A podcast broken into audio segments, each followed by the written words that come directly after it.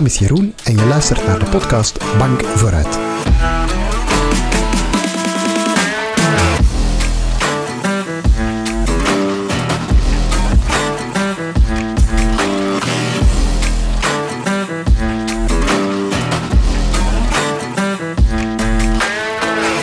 Hallo en welkom bij Bank Vooruit, een podcast waarin we terugblikken op de schoolcarrière van een bekende Vlaming. Bij mij zit vandaag artiest, chillemens en moederskindje Malik Mohamed. Hey, hallo. Dag Malik. Uh, leuk om jou voor mijn microfoon te hebben. Uh, welkom. Uh, ik zou, we gaan het vandaag hebben over school. Yes. Wat is voor jou de vroegste herinnering die je hebt aan naar school gaan? De vroegste herinnering? Ja. Ah, wel, dat is een moment waar ik de beslissing heb gemaakt om te stoppen met school. Oké. Okay. En dat was, um, dat was eigenlijk de, de, het moment dat ik uh, moest gaan vragen achter een artiestenstatuut, omdat ik had ingeschreven bij Soy Think in Dance en ja. ik mocht naar de bootcamp. Maar die bootcamp viel tijdens de examenperiode op hogeschool. En Artesis, AP nu, denk ik. Ja. Um, en dus ja, ik moest, ik moest ja, vrijstelling vragen, omdat ik mijn examens niet kon doen, omdat ik heel graag op bootcamp wou. Dus ik weet nog dat ik uh, naar school ging en ik ging spreken met de verantwoordelijke voor de artiestenstatuten. Ja. Van of dat ik dat niet mocht krijgen. En die zei van ja, want ik had dat ingediend en het was, ik kreeg daar niet direct reactie op. Um, en dan zei hij van ja, wij geven in die tijd alleen een sportstatuut, geen kunstenaarsstatuut. En en een sportstatuut, dat moet je in begin van het jaar aanvragen met alle data die je afwezig zult zijn. Maar in mijn geval, ik weet dat niet. Ik heb een wedstrijd, uh, ik doe mee aan een wedstrijd en ik krijg opeens nieuwe data. En, en ik wist ook niet dat ik erdoor ging zijn en al die dingen. Die zei van ja, helaas gaat je het niet kunnen krijgen bij ons.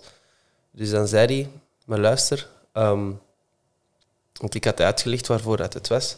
En dan zei hij, wij zijn hier volgend jaar ook nog.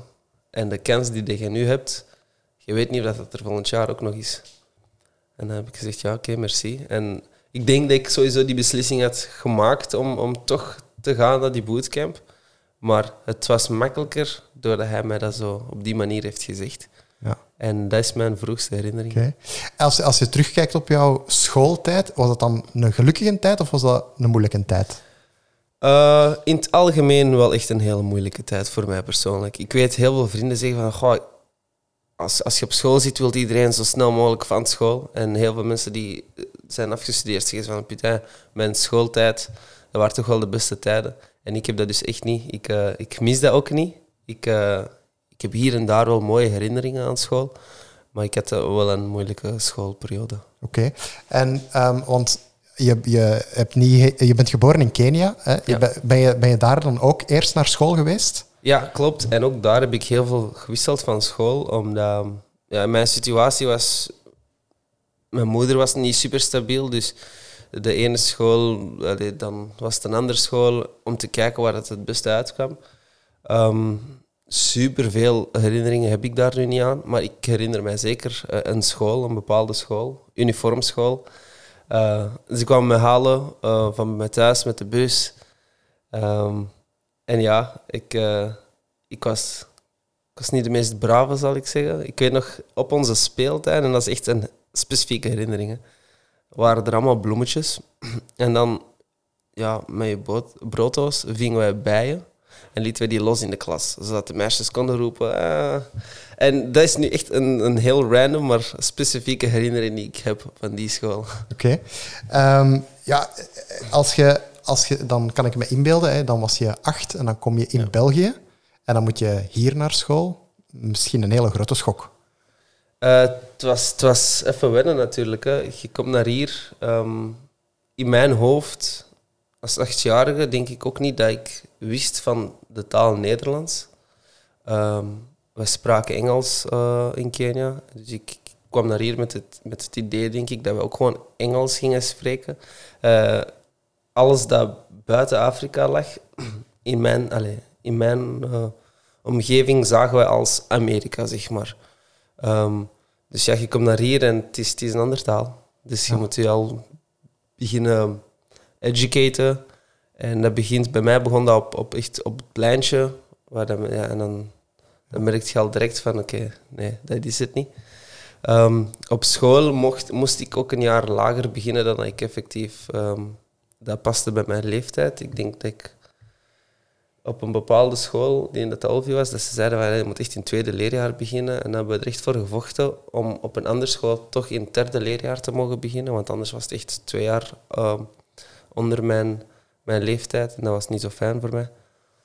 Ehm, maar het was, het was aanpassen. Hè. Het was, het was, maar het is ook wel, ik was echt, ik denk dat dat ook zo snel is gegaan. Ik kan me niet herinneren welke schakel dat, het, dat er was. Mhm. Om zo te zeggen van, oké, nu spreek ik Nederlands. Weet je wat ik zeg? Dat, is- Ja. dat was gewoon, ja, dat begint met, met woorden en tellen. En ik denk zoals elk ander kind, maar op een iets latere leeftijd. En voordat je het weet, kun je communiceren. Is het goed? Waarschijnlijk niet. En, en het is niet perfect. En ik maakte nog veel fouten. Ik maak nog steeds superveel fouten.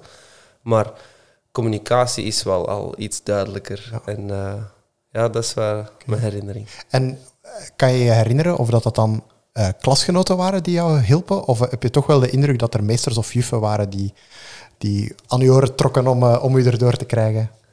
Ehm, ja, ik denk een beetje van, van beide. Ehm, sowieso zit je op school om te leren, dus ja, de leerkrachten hebben daar een super grote rol in.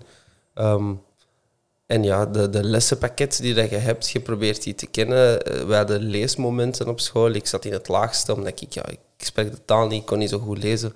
Ehm, dus, dus dat was altijd wel een struggle. En daar gaat je door met de leerkracht. Eh, dat, is, de ondersteuning van de leerkracht. Maar het meeste tijd spendeert je wel met de, met de leerlingen of met de vrienden. En eh, ja, dus daar leert je het meeste van. De goede en de slechte woorden. De, de, ja, het slechte taal, het goede taal. Daar leert je het al het meeste bij. Dus ik denk het grootste impact was van de leer, leerlingen. Of, eh, gewoon de kindjes. En dan het, ja... Ja, je wordt sowieso begeleid door leerkrachten. Ik kan dat niet ontnemen. Maar je hebt niet het gevoel dat je daar dan aan je lot overgelaten werd of zo? Dat... ik, ik denk, door de persoon dat ik ben, heb ik dat gevoel niet gehad, omdat dat mij precies niet zo hard boeide of zo. Als in, niet op een slechte manier, maar meer zo op een... Ik keek er niet op een negatieve manier naar. Het was gewoon van, it is what it is. En dus, je kunt, ja, je kunt een situatie op heel verschillende manieren bekijken en daardoor het slechte er altijd in vinden. En ik denk niet dat ik zo iemand ben, dus ik... Nee, niet per se. En was, dat, was het een, eh, een, een, een, een dorpsschool of een, of een stadsschool waar, dat je, waar dat je in het lager zat?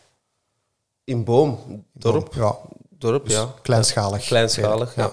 En eh, het middelbaar dan? Eh, waar, hoe ging dat dan? Waar ben je daar naar school geweest? Ook in Boom. in Boom? Ook in Boom. Ik heb, ehm, van, vanaf dat ik naar België kwam, ben ik eigenlijk in Boom gaan wonen. Ja. Dus dat heb ik direct ook eh, ja, scholen in Boom. alleen was ik in de scholen in Boom ingeschreven. En dus mijn middelbaar ook. Ik moest echt snel ehm, kiezen, vond ik. Ik denk 12 jaar of 13 jaar moest ik naar het middelbaar. En dat was, ineens moest je richtingen beginnen kiezen. En dat was heel moeilijk voor mij, omdat ik het echt nog niet wist. Ik wist niet welke. En ik zag iedereen heel snel gaan kiezen. En de populaire ehm, richtingen waren moderne talen en Latijn. En al die, maar ik had echt geen flauw idee wat ik moest kiezen. Dus heb ik ehm, mij ingeschreven eh, in een technische school. Ehm, dan, daar heb ik elektriciteit gevolgd, for some reason. Ik denk eh, dat zo de werkzekerheidsidee achter eh, werd gepusht. Van ja, daar gaat je altijd werk in vinden. En dan schrijf je maar in, maar totaal niet met het idee van dat is wat ik wil doen. Ehm, maar ook in boom. En hoe, hoe heb je dat dan ervaren? Want dan kies je iets wat je zegt van... Ja, eh, was dat dan elke, elke dag met tegenzin opstaan om naar school te gaan? Of viel dat wel mee? Ik was sowieso niet de meest excited om naar school te gaan, überhaupt.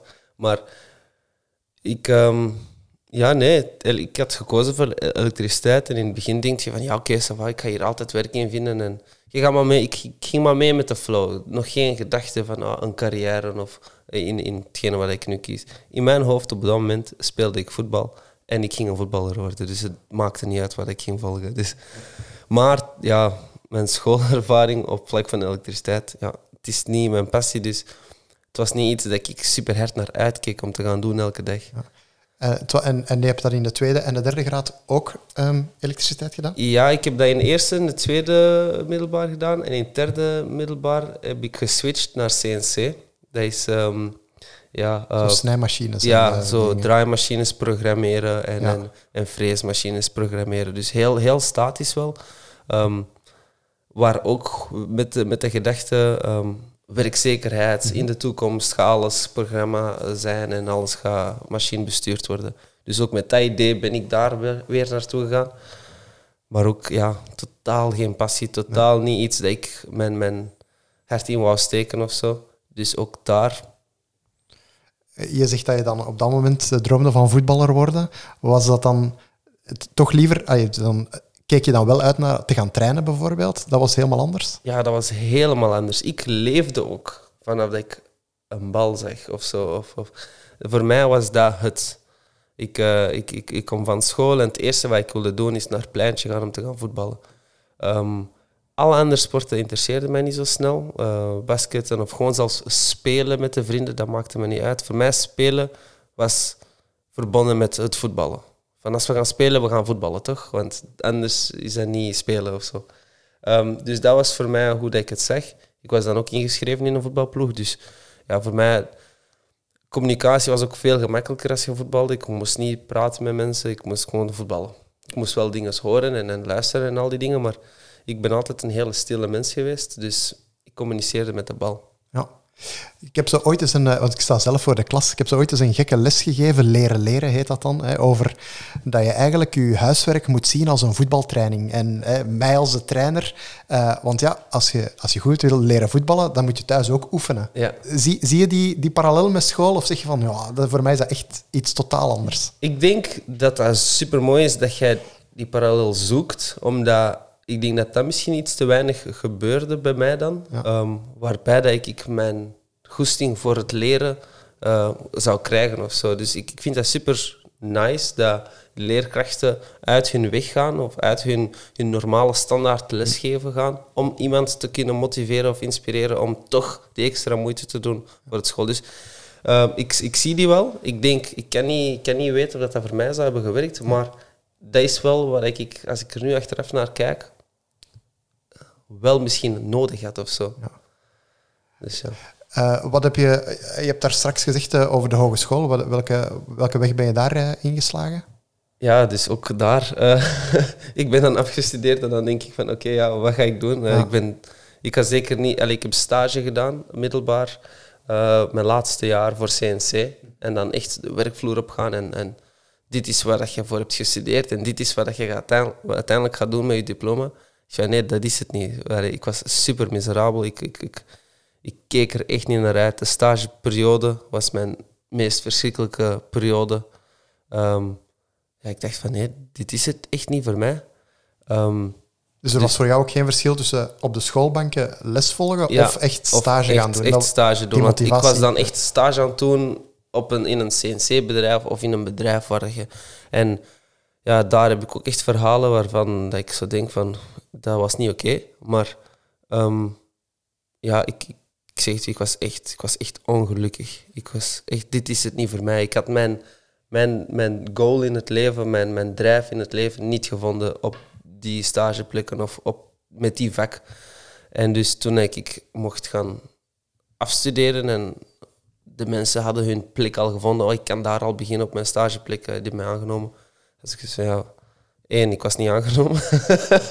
dat is al één. En twee, dat was het gewoon niet voor mij. Dus ik had zoiets van, ik ga verder studeren.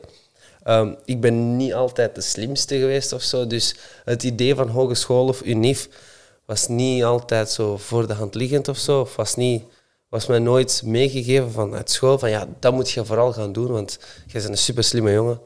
Dus dat was echt iets dat ik mezelf moest opleggen of zo, of, of motiveren om te gaan doen. Want ik zeg die, mijn, buiten het feit dat ik uh, het niet leuk vond, had ik ook niet de beste band met mijn leerkracht in mijn laatste drie jaar of zo. Die dat echt. Um, de, mijn, mijn, de leerkrachten die alles bepaalt voor je, weet dat? Je hebt de klastitularis bedoel je? Klastitularis, ja. ja. Ik had zo één en die besloot... Allee, die, dat was echt mijn klastitularis. En ja. Ja. ik had daar de slechtste band mee dat er ah, ja. echt was. Ik werd heel vaak gebuist door hem. En ik kon er alleen maar door geraken op papier. Maar alles dat te maken had met attitude en, en dat je niet kon bewijzen, maar als dat puur een observatie uh, ding was, was ik gebuist. Ja. Ik, eh, dus ik had echt zoiets van, ja, die motivatie van hem ga ik niet krijgen om te gaan verder studeren. Dus ik moest echt zoeken in mijn, e- in mijn, in mijn eigen. Eh, en eh, dus dacht ik van, ja, wat zou mij kunnen blijven motiveren in het studeren? Ehm, en dan dacht ik aan sport. Ik ben super sportief. Eh, ik beweeg heel graag. Dus dan heb ik gekozen voor de lera- leraaropleiding. En omdat ik heel veel schreef en, en ik, ik slam, dacht ik van, nou, en Engels, omdat dat wel de taal is die ik nog altijd ehm, goed beheerste. Eh, dus dan ben ik Engels en sport gaan volgen op de hogeschool. Je hebt daarnet gezegd hè, dat je dan het artiestenstatuut ging aanvragen. Ja. Heb je die, die opleiding dan afgewerkt? Of, eh? Ik heb dit tot mijn tweede jaar gedaan. Ja. En in mijn tweede jaar dan eh, heb ik zoiets Inc. gedaan. ja. En dan is mijn leven ook eh, veranderd. In de zin van, ik moest niet meer terug naar school. Omdat ik denk dat ik dan mijn, mijn richting heb gevonden. Zo. Ja. En als dat een schoolrichting zou zijn geweest in mijn tijd, of in mijn omgeving, dan was ik, dan was ik daar op de juiste plek. Maar dat was er niet. Dat was niet hetgene dat ik... En welke richting bedoel je dan? Bedoel je eh, Iets artistiek, iets... Ja, vier artistieke vorming, zoiets? Vier, ja. Je hebt nu conservatorium. Ik denk, eh, er was een tijd zelfs eh, dat ik zoiets had van, ah, misschien moet ik mijn conservatorium gaan inschrijven. Ik was in Nederland gaan, gaan auditie doen voor een, voor een dansschool, een opleiding. Ja. Want daar zijn die al veel verder met, met dansopleidingen en in hip-hopvorm. Eh, hier, conservatorium is heel klassiek of drama. De- maar dat zijn richtingen die ik echt niet, niet kende. Ik- Maar ja, dus het, KSO, het kunstonderwijs, ik dat, wist dat kende niet je niet. Nee, ik kende dat niet. Niemand in mijn omgeving deed dat. Mijn ouders, allee, mijn moeder was hier net, die kende dat ook niet. Er is niemand die mij, die mij kon zien en zeggen van, dat is wat jij gaat moeten doen eigenlijk. Je zit hier niet op je juiste plek. Niemand die me dat zei. Dus ik, ik ga maar meegaan met de stroom van wat ik rond mij zie. En op veel latere leeftijd, ik wil niet zeggen wanneer dat het te laat was, want ik vind dat niks te laat is, maar wanneer dat ik ja, alles al heb gedaan en dan, dan kom je te weten van er was ook kunstonderwijs dat je Ja. kon gaan doen. Of je kon conservatorium of kon in het buitenland, in Nederland, eh, iets met dans gaan doen. En dan baalde ik wel echt. En dacht ik van, oh, Klein en oh shit. ja, echt Ja. zo van... Ja, daar was mijn passie geweest voor het studeren en voor school. Maar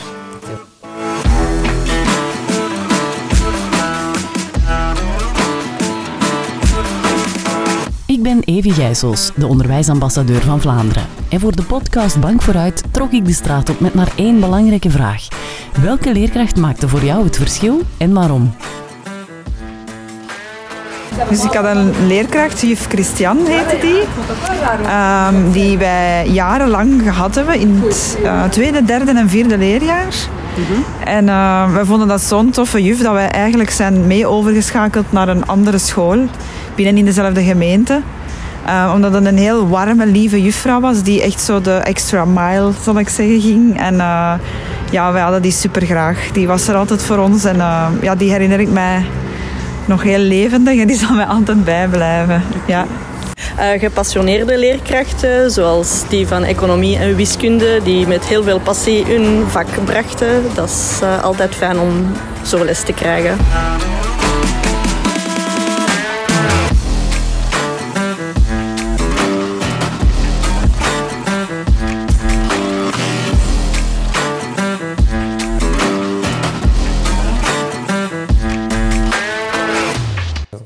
Want je, je wilde voetballer worden, maar wanneer, wanneer werd dat dansen en dat artistieke dan? Wanneer kwam dat naar de voorgrond? Ik denk dat dat iets is dat altijd in mij zit. Want op de dans, eh, eh, op, de, op de voetbal was ik de, dans, allez, de danser, de, degene die het meeste bewoog. Degene, op school was ik degene die het meeste bewoog. Ik weet nog, le- eh, in het lager onderwijs, schoolfeest. Je hebt altijd alleen maar meisjes die zich opgeven voor de laatste dans, eh, schoolfeest. En dan, ik gaf mij ook op, omdat ik dat, ik vond dat nice. Ja. Ik, ik vond dat cool om te doen. Ik en nog een vriend van mij, een goede vriend van mij, uh, Youssef, die tot nu toe ook, die nu ook danst. Uh, en wij kregen zo ons momentje om, om ook te dansen als jongens. En de meeste jongens in de lagere school, die dansten niet graag, die wouden niet dansen. Nee. Maar ik deed dat wel graag. Maar ik zag het niet als carrière of zo. Ik zag het gewoon van, ah, dat is leuk, ik, ik ga dat doen. Um, dus ik wist... Ik, ik denk dat het altijd in mij heeft gezeten. Van thuis, thuis dansten wij heel veel. Mijn moeder uh, houdt van dansen. Dat was haar droom om te dansen. Dus bij ons thuis is dat een cultureel ding dat wij gewoon altijd dansen. We dansen op een trouwfeest, we dansen op een begrafenis, we, wij dansen altijd. Wij vieren altijd iemand zijn leven of iemand zijn start. Of, dat, is, dat is hoe dat wij het doen. Dus het zit in mij. Het, maar ja, ik heb het altijd gezien als een cultureel ding, niet als een Ja, carrièrevorm. En eh, Ja. dus ik heb het pas ontdekt toen ik 16, 17 was. Maar ook niet direct met de mindset van, ah, dit is wat ik voor de rest van mijn leven ga doen. Maar meer als in, die vriend van mij, die mij op de lagere school ehm, eh, danste, die zijn zus had een project gestart, Ja. Let's Go Urban. En eh, die zei van, ja kijk, we hebben, er zijn lessen en dat is gratis. Hè, dat is ook altijd een goede motivatie. Ja, ja, Eh, kom, kom eens langs, dat is gewoon proeflessen. Je kunt zien. En ik ben dan geweest en die klik was er zonder verbonden te zijn aan niveau. Want op voetbal eh, vlak zat ik veel hoger qua niveau. Ik zat nationaal te spelen. Ik zat met een jaar boven mij te spelen. Het was heel gefocust, heel, heel ja, hard ook. Dat is een harde wereld. Ehm 1-1 spelen, bij wijze van spreken, was niet goed genoeg. Terwijl daar maakte dat allemaal niet meer uit of zo. Dat zo ik was de enige zwarte bij de voetbalclub. Daar was ik niet meer de enige zwarte. Dat waren veel meer andere eert- eh, etniciteiten. Ja. Eh, en dat is een gevoel die ik heel lang niet heb gehad, allee, die ik nooit heb gehad eigenlijk hier in België. En die ik dan voor het eerst meemaakte, gebonden aan iets dat ik super graag deed, die dat ik misschien gewoon niet, dat ik misschien gewoon niet besefte dat ik dat graag deed. En dat was hoe dat mijn puzzel is gevallen, een beetje, omdat ik zo besefte, wow, ik doe dit echt wel heel graag. Ja. Ehm, dat er zelfs tot een bepaald punt kwam dat ik mijn voetbalgrief begon in te pakken met danskleren in. Waardoor ik niet meer naar de training ging, maar dat ik rechts afsloeg om naar de dansles te gaan. Ah. Omdat ja, mijn moeder betaalde, mijn stiefvader, mijn moeder betaalde de voetbal. Dus ik wou, Dus het was thuis ook niet zo evident om te zeggen, nee. ik ben aan het dansen. ik ben aan het dansen, ik ga niet meer trainen. Eh, Het was ook door een blessure dat ik niet meer ging trainen. Ja. Het is niet omdat ik dans liever deed, maar het was...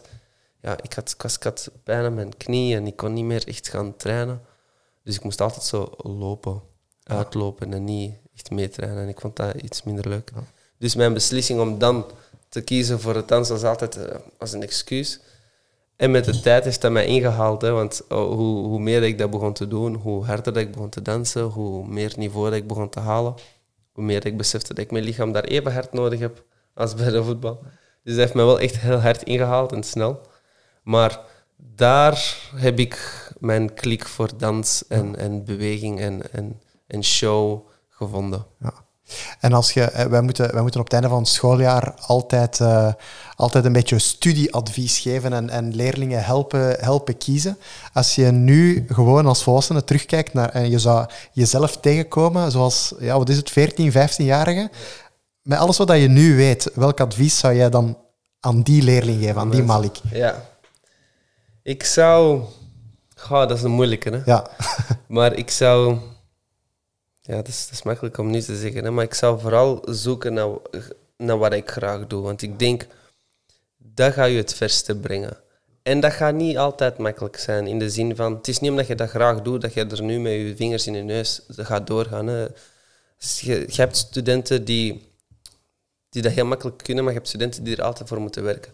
Dus dat is allemaal prima, maar zoek iets dat je hart drijft of zo. Want ik, alle, heel mijn schoolperiode, mijn hart zat daar niet in. Ik deed dat uit verplichting, uit dat is noodzakelijk, we gaan naar school. En ik ben er ook doorgeraakt door gewoon het ja, hard werken en ik wil er doorgeraken. Maar ik denk dat er zoveel jongeren niet op hun plaats zitten. En educatie is belangrijk. Dus als je daar al niet op je juiste plaats zit, denk ik niet dat de informatie die je zou moeten krijgen, dat je dat gaat doorkrijgen, weet je wat ik wil zeggen? En als je op de juiste plaats zit, gaat informatie veel sneller binnen en dan... Wel, mijn, mijn dochter die is toevallig net terug van talentklasse. Hè, dus in, in het zesde leerjaar gaan ze met de, met de school, gaan ze, ja, wat de andere eh, scholen zeeklassen of bosklassen of zo noemen. En op die talentklassen is er elke dag wel iets te doen. Dat kan gaan van we moeten een, eh, een, een elektrisch circuit eh, solderen, tot we gaan circustechniek doen en we gaan dansen of we gaan poëzie schrijven. Is dat eigenlijk iets dat ontbreekt in het middelbaar? Hebben we daar te weinig aandacht voor, denk je? Ik geloof van wel. Eh, ik weet natuurlijk nu niet hoe dat de schoolstructuur naar, allee, van nu is veranderd. Ik denk dat dat wel veranderd is. Ik hoop dat dat veranderd We zijn aan het moderniseren, zoals Ja. dat heet, maar dat is nog een lange weg. Ja, voilà. Dus, dus hoe dat ik het eh, heb gekend, was het heel, ja, heel, heel oud, heel ouderwets. Niet, je, je kunt dat niet voor elke kind specifieren, maar als je mensen eh, een, een aanbieding kunt geven, al is het een beetje proeven van alles, en dat ze dan kunnen voelen van, oh, wow, wacht, ik wist niet dat dit er was, maar iets zegt mij dat dit is wat ik wil doen. En zelfs daarna kun je veranderen. Hè? Maar, want ik heb een zus, ehm, ze is 12. En ook zij, ik ben de grote broer die aan het dansen is, dus jij gaat toch ook een danseres worden? En dan had zij heel hard met die druk van, ja, ik ga danseres worden, ik ga danseres worden. Dus schrijft ze zich in in een dansding, maar nu met de tijd voelt zij ook, nee, dat is niet voor mij, dat was voor mijn broer. Of dat is voor mijn broer. En we waren in een muziekschool ingeschreven. En daar voelt zij ook van, ja, nee, dat is niet voor mij. Dat is...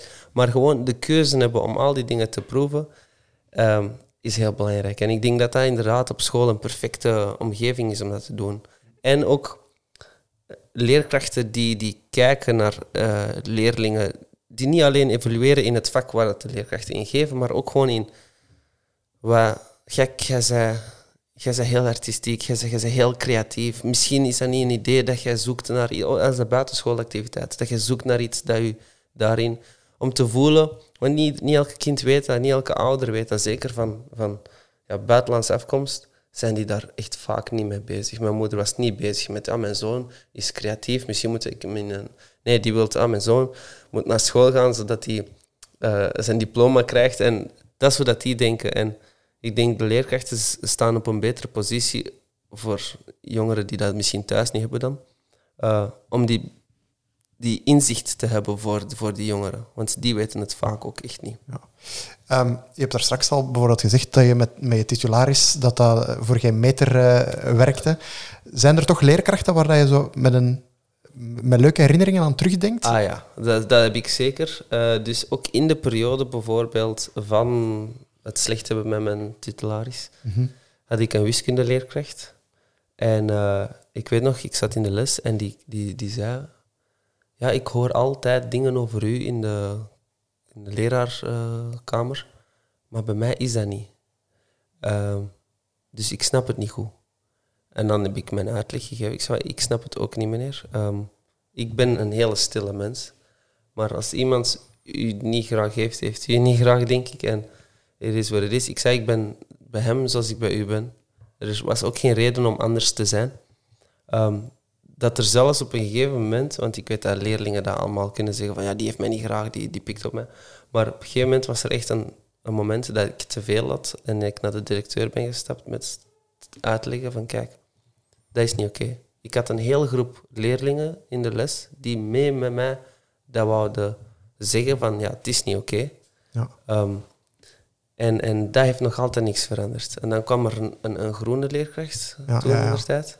Ook eh, met mij spreken, die dat ook opvolgde. En die ook elke leerling apart is gaan spreken om te vragen of dat, dat effectief zo is. Of dat ik gewoon, ja, gewoon aan het praten ben. En die, die kwam mij ook zeggen van ja, nee, ik hoor dat van elke, leerkracht, of eer- elke leerling Ja. dat, dat het anders is bij u. En dus, ik geloof u. En dat had ik misschien nodig. En die wiskundeleerkracht en die groene leerkracht, dat waren de enige twee van heel school die geloofden dat wat ik aan het zeggen was, dat dat echt was. Ja. En die zeiden mij ook van, kijk, het enige dat jij gaat kunnen doen, is op papier, het examen die dat jij moet doen op papier, is die goed doen. Want dat is iets dat hij niet mee kan vervullen. Wat jij schrijft, is wat jij schrijft. En alles daar rond, wat hij zegt over u in de leraarkamer, of wat hij vindt van uw attitude, dat moet je gewoon even laten voor wat het is. En ehm, dus ze hebben mij heel erg gemotiveerd, heel erg achter mij gestaan. En tot de dag van vandaag eh, sturen die mij nog met te zeggen van wij zijn heel trots op wat je aan het doen bent. Eh, en dus ja, er waren echt wel hele goede leerkrachten en die had ik wel nodig voor die motivatie. Want als jonge gast, als je voelt dat iedereen tegen u is, dat kan u ook die slechte maken of zo. Weet ik wil zeggen? Ja. Eh, en ik had, dat no- ik had ook sowieso eh, mijn moeder dat ik dat tegen zei. En die zei ook, die wist, mijn moeder is iemand, die wist niet hoe Dat was, dat is, mijn moeder is niet de soort moeder die naar school gaat en gaat roepen naar de leerkracht om te zeggen van ja, dat is niet oké hoe dat jullie doen met mijn kind. Mijn moeder is meer iemand die naar school gaat, die luistert naar wat je te zeggen hebt.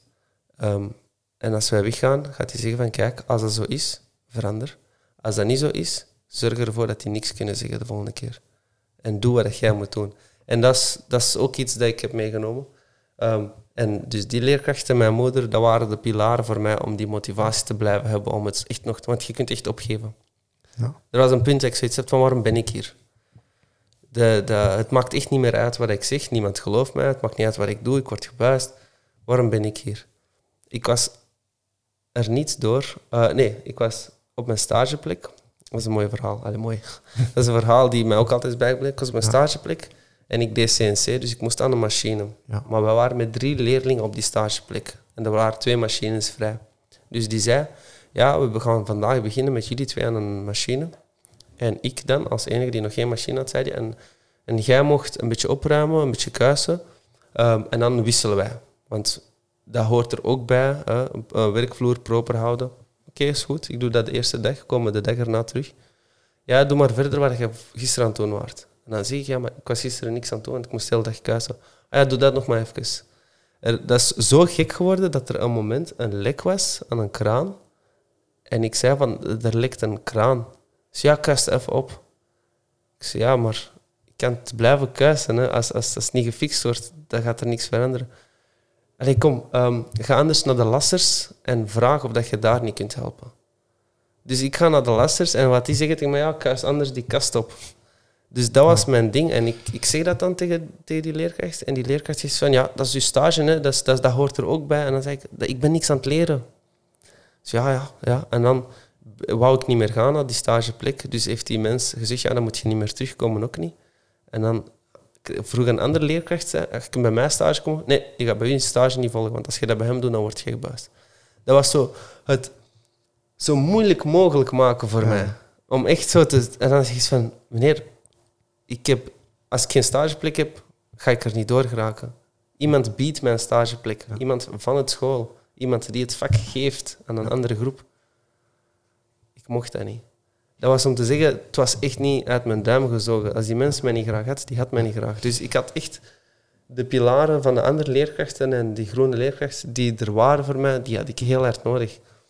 En ehm, ja, ik ben zo denkbaar. Ik, ik heb ook op een gegeven moment op de proclamatie mogen gaan spreken van die school.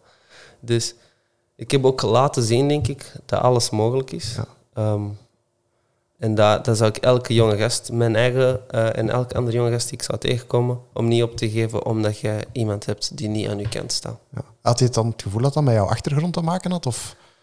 In het begin is dat het eerste Ja. wat jij denkt, eh, is dat het eerste. Maar ja, ik wil dat daar niet op steken. Ik vind dat een heel gemakkelijk om op te steken, maar misschien is dat een realiteit dat ik mee moet leven. Misschien, ja, was er iets. Dat is nog zo'n voorbeeld. Dat was een programma en we maakten dat met twee. Ze maken een heel programma met twee. Ja. Die komt, die persoon die krijgt een 8, ik krijg een 4. Ik zeg, oeh, maar meneer, we hebben dat samen gemaakt. Heb je afgekeken ook? Dat is een 0. En die mens, eh, die, die, die leerling, zegt van nee, we hebben dat samen gemaakt. Ah, heb je afgekeken? Anders geef ik je ook een 0. Ik zei nee, nee. En dat was de verhouding tussen ons. Eh, dat was echt een gekke, gekke, tijd, Dus Een gekke ja. tijd. Echt, ik, daarom dat ik echt, ik kijk er niet naar uit om terug op die school te zitten. Of met die leerkracht vooral, want in die school waren er wel goede leerkrachten. Ah, je, want je bent dan wel op de proclamatie gaan, eh, gaan Ik, spreken. eh, Dat, ja, dat is nog niet zo lang geleden dan? Of? Dat is wel een tijdje Ah, terug. Het was nadat ik zoiets denk had gewonnen Ah, en ik had iets gedaan. En, ehm, het was niet zozeer de proclamatie, het was volgens mij... Ja, dat, Was, dat was de attitude-uitreiking Ja, eh, van het jaar. Ja. En ik mocht die gaan uitreiken. Dat was zo ironisch voor mij. Dat ik altijd gebuist was voor attitude. En dat ik mocht komen spreken En voor de, de tro- en de trofee was een eh, doosje met een bij erin? Of, eh? En, en die leerkracht kwam ook niet in de zaal toen ik Ah, moest ja. spreken. Die was Ah, ja. En alle, leerling, alle leerkrachten weten dat. Dus iedereen Ah, kwam ja, en iedereen weet dat. Dat is het grappige eraan. Ook nu was er een, een reunion. Ja. Niemand van mijn jaar was natuurlijk geweest, maar een leerkracht, die wiskundeleerkracht, had mij gestuurd op Facebook. Hè, we hebben een reunion, moest jij willen komen? Ja. Eh, Dus dan ben ik gewoon geweest, puur voor die leerkracht. Gewoon omdat die, die was zo belangrijk voor mij. Ah, ja. En, en ja, voor mij zit dat zo in die kleine dingen. Ik geef zelf les in de sportrichtingen, Ja. eh, de oude TSO-sportrichtingen. Ondertussen heet dat de dubbele finaliteit, want we zijn bezig met modernisering. Kind moet een naam hebben. Ehm, en ik geef daar Nederlands, dus ik ben daar ook niet per se altijd de populairste. Eh, maar ik hoor je graag zeggen dat je ook een slamartiest bent, want ik laat mijn leerlingen een poetry slam schrijven. Ah, nice. Ik heb zelf ook een paar workshops gevolgd, dus ik probeer dan met, met, dat met hen ook te doen. Ze zijn altijd super boos als ik die opdracht geef. Eh, want ja, meneer, we gaan toch geen poëzie schrijven, zeker? En toch kan ik elke keer leerlingen tot tranen toe ontroeren eh, met de dingen die hun klasgenoten geschreven hebben. En eigenlijk zijn ze mij daar draait of keer het altijd dankbaar voor. Ja. Het is misschien wat kort door de bocht, maar poetry slam, zou dat dan bijvoorbeeld ook niet een vak moeten worden? Zelfs in eender welke richting? Ik denk dat dat een heel belangrijke richting zou kunnen zijn, omdat dat zoveel dingen kan aankaarten. Eh, het kan u begeleiden in het Nederlands, het kan u begeleiden in het eh, begrijpen van, van thema's, het kan u begeleiden in iemand begrijpen. Dus ik vind dat een super... Ik zou dat een super boeiende vak vinden. Ik denk dat ik mijn plaats daar ook echt in zou Ja. vinden. Oh ja, want dan is het misschien, hè, want ja, die leerlingen van sport, ja, dat zijn ook vaak mensen die eh leerkracht-LO gaan worden of, of die in de kine of in de verpleegkunde gaan en zo. En ik zie daar soms zoveel mooie verhalenvertellers tussen zitten dat ik denk van, potverdorie. Ja, nee, dat Ja. klopt. En zelfs iemand die niet per se een goede verhaalverteller zou kunnen zijn, zou iets kunnen horen dat Ja. zijn of haar leven zou kunnen eh, ja, veranderen, is misschien groot, maar kunnen aantasten. Ja. En soms ligt dat, ehm, ik geloof dat heel hard, soms ligt dat niet per se altijd in wat je zegt en hoe, maar in, in, ah nee, in, in, in wat je zegt, maar in hoe dat je het zegt. En zo'n slam poetry geeft zoveel vormen aan hoe dat je dingen kunt zeggen, juist, dat je kunt iets honderd keer zeggen tegen iemand die begrijpt het niet en op een andere manier hetzelfde zeggen en ineens snapt hij het. Dus dat ja, ik, eh, ik zou dat heel boeiend vinden. Oké, goed. Ik hoor een verhaal van een woelige schoolperiode, maar ik ben toch blij dat alles op zijn pootjes eh, terechtkomt, Malik. Ik wil je nog een keer heel hartelijk bedanken voor dit gesprek. En om af te ronden geef ik u graag nog een pluim van de meester en een bank vooruit. Ah, dankjewel. Merci.